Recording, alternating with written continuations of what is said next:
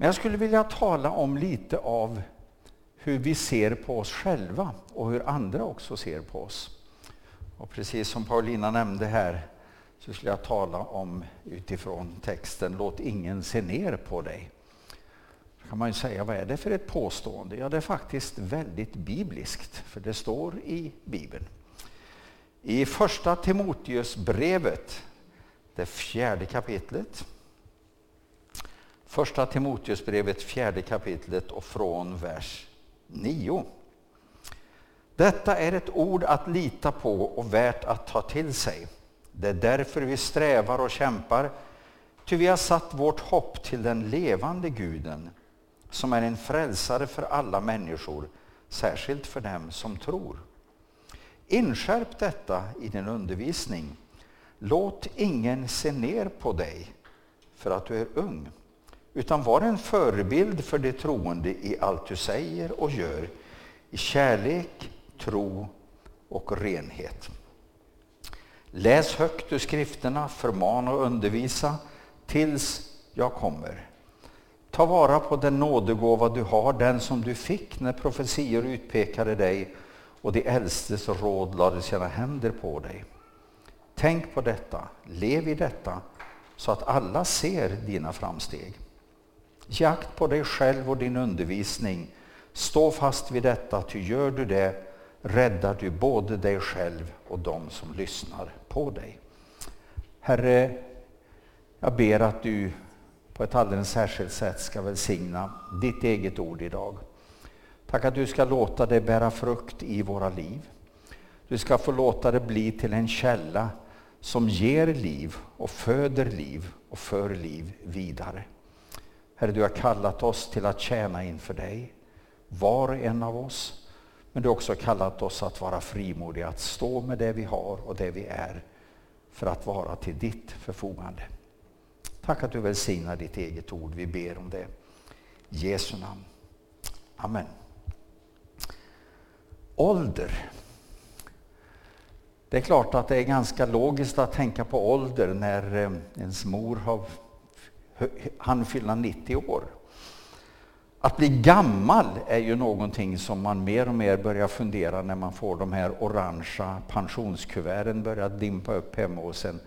Och så ska man då titta på hur mycket blev det eller hur mycket blir det egentligen framöver. Och det är väl sällan någon av oss tycker wow, blev det så mycket? Utan oftast är det väl det omvända, aj då, blev det inte mer? Men ålder fascinerar oss på något sätt. Som människor pratar vi väldigt mycket om ålder. Vi talar om ålder i, eh, med barn, alltså vi börjar, vi börjar kalla barnen gamla även när de är små. Har ni tänkt på det? Ja, han är ett år gammal säger vi. Det är han ju inte. Han är ju möjligtvis ett år ung. Och jag brukar ibland reta folk lite och säga att när de frågar hur gammal du är så brukar jag säga jag är 66 år ung. Jag vill liksom hålla kvar det där med att man är ung så länge som möjligt. Och det är väl så att någonstans inom oss så finns det en ålder och så finns det en fysisk ålder som den vi bär i vår kropp. Och det är inte alltid de där är i synk med varandra. Jag minns en intervju jag läste för många år sedan när Astrid Lindgren fyllde 85 år. Och i den här intervjun så säger hon det spritter fortfarande i benen när jag ser ett bra klätterträd. Då har man liksom inte synk med det yttre och den inre åldern. Att, sen kan det också vara precis det omvända. Man kan känna sig gammal utan att vara gammal. Så ålder är någonting vi rör oss med och vi pratar mycket om ålder och vi tänker mycket på ålder. I Bibeln talas det faktiskt om ålder över 300 gånger. Jag slutade räkna när jag nådde 330 eller någonting sånt där och då tittade jag bara på orden ålder och på gammal och på ung. Men det finns ju andra begrepp som man också kan använda för att beskriva ålder. Men Bibeln talar alltså en hel del om ålder. Men talet om ålder när det kommer till Guds rike kan ibland bli begränsande. Vi tänker så mycket på just detta och blir ganska så lätt åldersfixerade. Eh, man talar om pensionsålder som något, det är då man har gjort färdigt så att säga sitt verksamma arbetsliv för att gå in i något av en viloperiod. Medan andra människor tycker att ja, men, jag vill fortsätta, jag vill fortsätta längre. För andra är det, och jag skulle vilja sluta tidigare. Ålder, gång på gång kommer vi tillbaka till det. Paulus här, han talar till Timoteus och han talar om att få honom att förstå att hans ungdom är inte begränsande. Låt ingen se ner på dig för att du är ung, säger han. Och försöker att få honom att förstå din ålder begränsar inte dig i tjänandet i Guds rike. Du själv kan se ner på dig och du själv kan begränsa. Men i Guds rike är du inte begränsad för att du är ung. Och så talar han istället om vad han ska sätta sitt fokus på. Fokus på att tjäna, fokus på att betjäna, fokus på att iakttaga sitt eget liv och leva som ett vittnesbörd för att också andra människor ska kunna ta del utav hans vittnesbörd. Och framförallt, inskärp detta i din undervisning, säger han, och lev ett liv som gör att andra också ser dig och ser dina framsteg, ser din utveckling. Det fanns väldigt många före Timoteus som också behövde den uppmaningen. Låt ingen se ner på dig för att du är ung. Jag tänker på berättelsen om David mot Goliat. Eh, Goliat han skrattar. Vad är detta? Har de skickat en ung pojke emot mig? Och han var ju en ståtlig krigare. Och inte ens hade han någon rustning på sig utan han hade bara sitt höftskynk och sin slunga med stenar. Även han hade förstått detta, att det var inte begränsande. Och han blev ju också en ung konung i Israels rike. Psalm 37 säger, ung har jag varit, gammal är jag, men aldrig såg jag den rättfärdige övergiven. Gud är med genom tiden. I Jeremia, första kapitlet och från eh, vers 6 i samband med att profeten Jeremia upplever Guds kallelse så säger han Nej, Herre min Gud, jag duger inte till att tala. Jag är för ung. Då sa Herren till mig, säg inte att du är för ung, utan gå dit jag sänder dig och säg det jag befaller dig. Låt dem inte skrämma dig, ty jag är med dig och jag skall rädda dig, säger Herren. Det är väldigt ofta som vi ibland säger att vi klarar inte av det för att vi är för unga. Jag säger väl inte det så jätteofta nu, men ett antal gånger under mitt liv vet jag att jag har sagt jag är för ung. Det går inte. Men Herren säger, låt dem inte skrämma dig. Din ålder är ingen anledning till oro. Att du är för ung är ingen anledning att oroa sig. Och jag skulle säga till dig som är ung här idag, det ordnar sig med tiden. Vare sig du vill eller inte. För helt plötsligt märkte du, vart tog den vägen? Och så är du inte ung längre.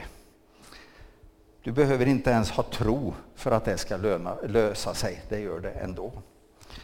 I Andra Moseboken, alltså det står ju också tydligt att Gud inte bara använder unga, han använder också de gamla. I Andra Mosebokens sjunde kapitel står det att Mose och Aron gjorde som Herren hade befallt. Mose var 80 år gammal och Aron var 83 när de utmanade farao att släppa Israels folk.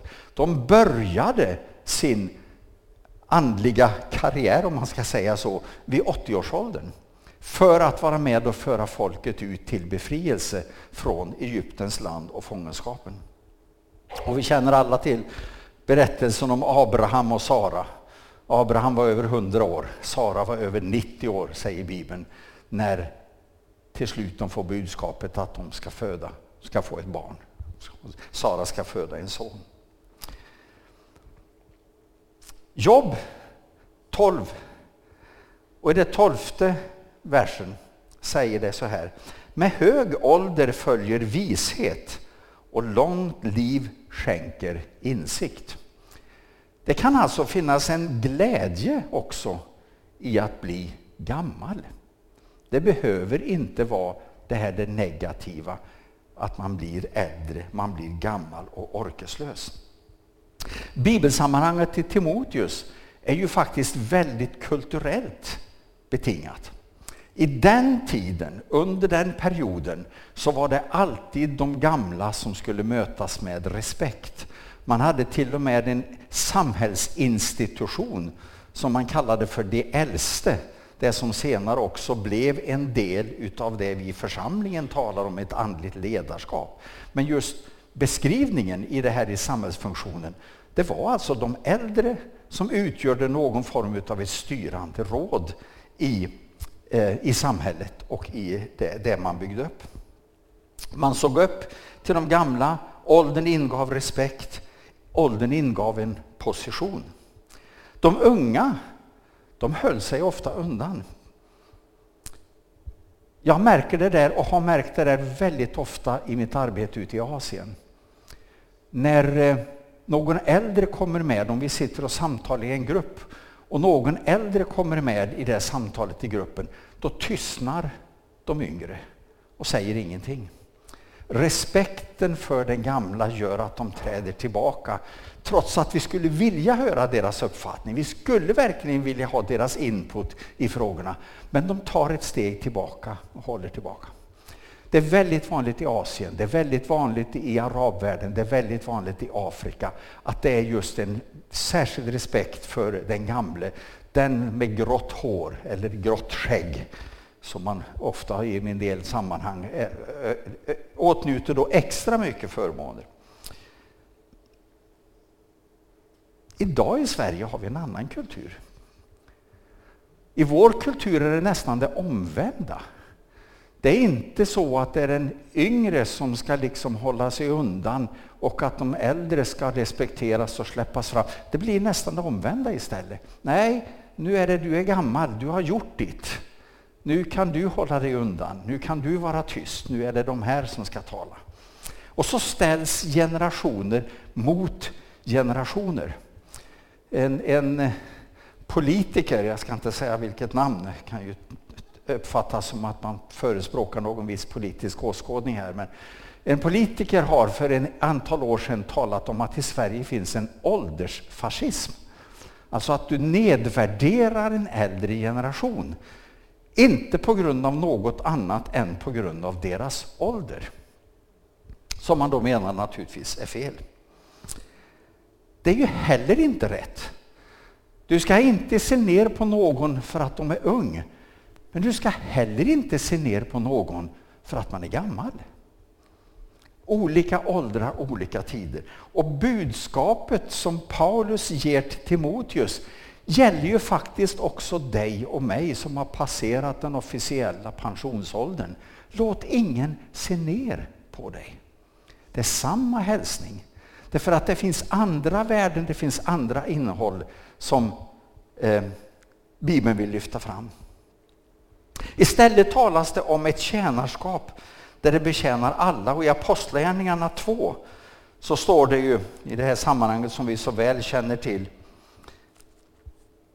i Paulus tal på pingstdagen så säger han, nej detta är vad som har sagts genom profeten Joel.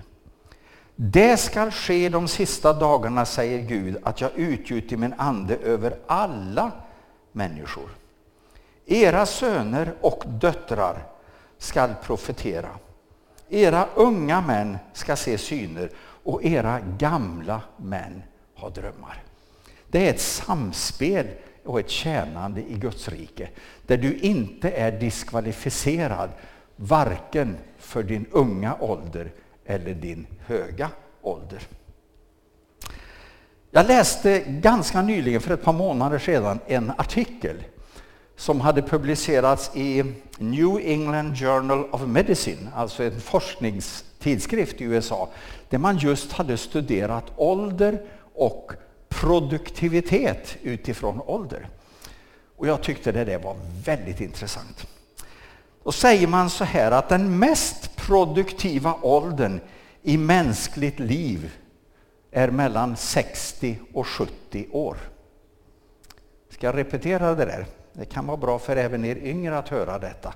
Den mest produktiva åldern i mänskligt liv är mellan 60 och 70 år. Wow! Då kände jag yes, nu är jag på rätt sida, eller i rätt sammanhang. Näst bäst är åldern mellan 70 och 80 år. Och trea kommer mellan 50 och 60 år. Jag hör inte så många yngre som säger halleluja, men ni äldre kunde ju faktiskt säga det. Så, visst är det fantastiskt? Och det här är en forskningstidskrift som presenterar detta. Och så säger man då, till exempel, och så räknar man upp en massa och jag har plockat bort en del för det var mycket som jag tyckte inte var så relevant. Men genomsnittsåldern för vinnarna av Nobelpris är 62 år. Medelåldern för ledare i stora företag i världen är 63 år. Medelåldern för pastorer i de hundra största kyrkorna i USA är 71 år. Det är alltså medelåldern är 71. Och enligt denna undersökning så är de bästa åren i ditt liv mellan 60 och 80 år. Tänk vad ni ska längta efter att få komma dit, va? ni som inte har nått dit än. Mellan 60 och 80 år är de bästa åren i ditt liv. Vid 60 års ålder når du toppen av din potential och det fortsätter ända in i 80-årsåldern. Jag satt och läste den här artikeln och jag skrattade. Jag kände mig uppmuntrad av den naturligtvis, men jag skrattade också när jag läste och kände ja, men det här är ju ganska intressant. Det är ganska roligt det här. Och så började jag titta på i vårt eget sammanhang. Jag började titta på ledare jag känner, jag började titta på sammanhang där jag mött. Och jag insåg att wow, det är ju faktiskt så här. Pastor Hanimande i Indonesien, en god vän till mig, han var en bit över 80 år innan han bestämde sig för att nu skulle han sluta som samfundsledare. Då var han i 82 års åldern ledare för en rörelse med över fem miljoner medlemmar. Pastor Myuchit i Myanmar, han var en bra bit över 80 år när han bestämde sig för att han skulle starta en evangelistutbildning. Man skulle kunna tycka att det var dags att liksom fasa ut då. Nej, men nu ska vi starta något nytt. Vi behöver fler evangelister i vårt land. Den 70-åriga pastorn som jag mötte i Kambodja när vi hade haft en träning tillsammans med att kunna just detta att göra lärjungar på ett mer effektivt sätt. Han, i en by nära gränsen till Vietnam, så startade han på sex månader 25 bibelupptäckargrupper. Han var över 70 år och startade 25 bibelupptäckargrupper på sex månader. När jag intervjuade honom efter att vi hade kommit tillbaka, för vi hade haft en utbildning och skulle ha ytterligare en utbildning, och så frågade vi honom hur det hade gått. Ja, då berättade han att han startade 25 bibelupptäckargrupper. Jaha, sa jag, du har 25 medlemmar i bibelupptäckargrupper? Nej, nej, nej, sa han, jag har 25 grupper. Och det hade han startat på sex månader, över 70 år. Jag vet inte exakt hans ålder, jag frågade inte det, men jag vet att han var en bra bit över 70. Levi Petrus, han var 61 år gammal när han startade tidningen Dagen. Han var 71 år då han startade IBRA. Och han var 75 år då han grundade LP-stiftelsen. Verksamheter som alla fortfarande lever kvar och vi har välsignelse på olika sätt utav dess, dess eh, eh, man säger ministry på engelska, man säger, dess, dess verksamhet. Eh, det, syftet med målet med att starta alltihop detta är någonting som vi alla tar del av och har möjligheter att ta del av. Och vi kan gå vidare. Och när jag började så blev jag mer och mer glad ju längre jag tittade på det här. Och jag kände det är inte kört. Det är faktiskt möjlighet att tjäna och att stå till tjänst även när du blir äldre. Det jag vill säga är att din ålder, oavsett vad den är, begränsar dig inte. Du är inte för ung. Du är inte för gammal. Det är ingen begränsning. Låt ingen se ner på dig, utan var ett föredöme. Tjäna Gud. Första Korinthierbrevet säger i det första kapitlet och från vers 27 så här. Det som är dåraktigt för världen utvalde Gud för att låta det visa stå där med skam. Och det som är svagt i världen utvalde Gud för att låta det starka stå där med skam. Och det som världen ser ner på, det som ringaktas, ja som inte finns till, just det utvalde Gud för att göra slut på det som finns till så att ingen människa skulle kunna vara stolt inför Gud. Genom honom finns ni i Kristus Jesus som har blivit vår vishet från Gud, vår rättfärdighet, vår helighet och vår frihet. Gud utvalde det udda, skulle man kunna säga. Det svaga. Det som andra såg ner på, det som andra kallade dumt eller dåraktigt. Och jag fascineras över just ordvalet. För gång på gång står det Gud utvalde det här. Han utvalde detta. Han utvalde detta. Och så understryker Paulus, just det utvalde Gud. Alltså det var ingen slump. Det står inte att ja, men Gud tog det svaga för han hittade inget starkt. Gud tog det dåraktiga för han fann ingen vishet. Gud tog det han gjorde med ett syfte. Och syftet var att bevisa att det är han som är Gud. Det är inte vår förträfflighet, det är inte vår förmåga, det är inte vår kapacitet som för Guds rike framåt. Det är Gud som för sitt verk framåt. Vad är det då som begränsar? Ja, det är inte din ålder. Det är inte din kapacitet. Det är inte din förmåga eller brist på förmåga. Det finns en sak som begränsar dig, säger Bibeln, och det är din vilja.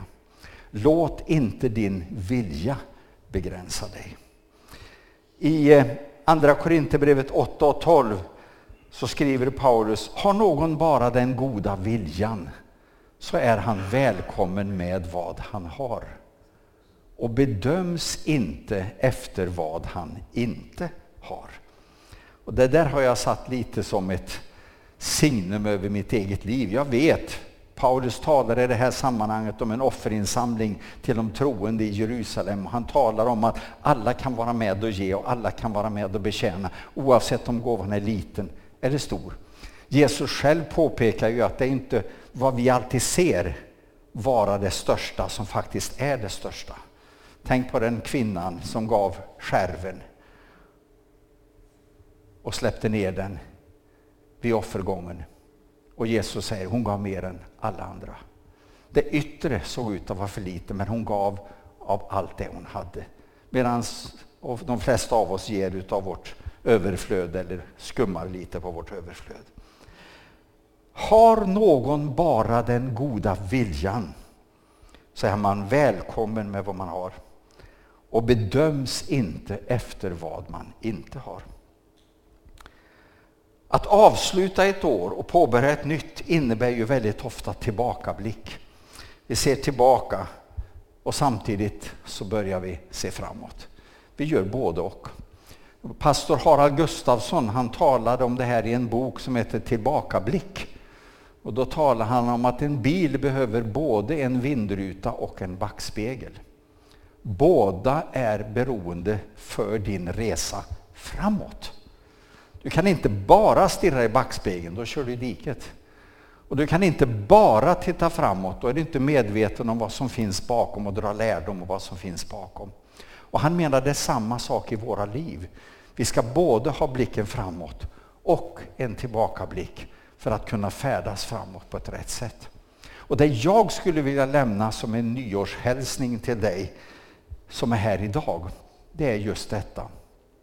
Låt ingen se ner på dig för din ålders skull. Låt ingen begränsa dig för din ålders skull. Därför att Gud har ett uppdrag och Gud har en uppgift för dig oavsett ålder och bakgrund. Nya utmaningar kommer att möta oss men i det får vi vara trygga. Precis som han sa till profeten Jeremia. Var inte rädd. Jag är med dig. Amen.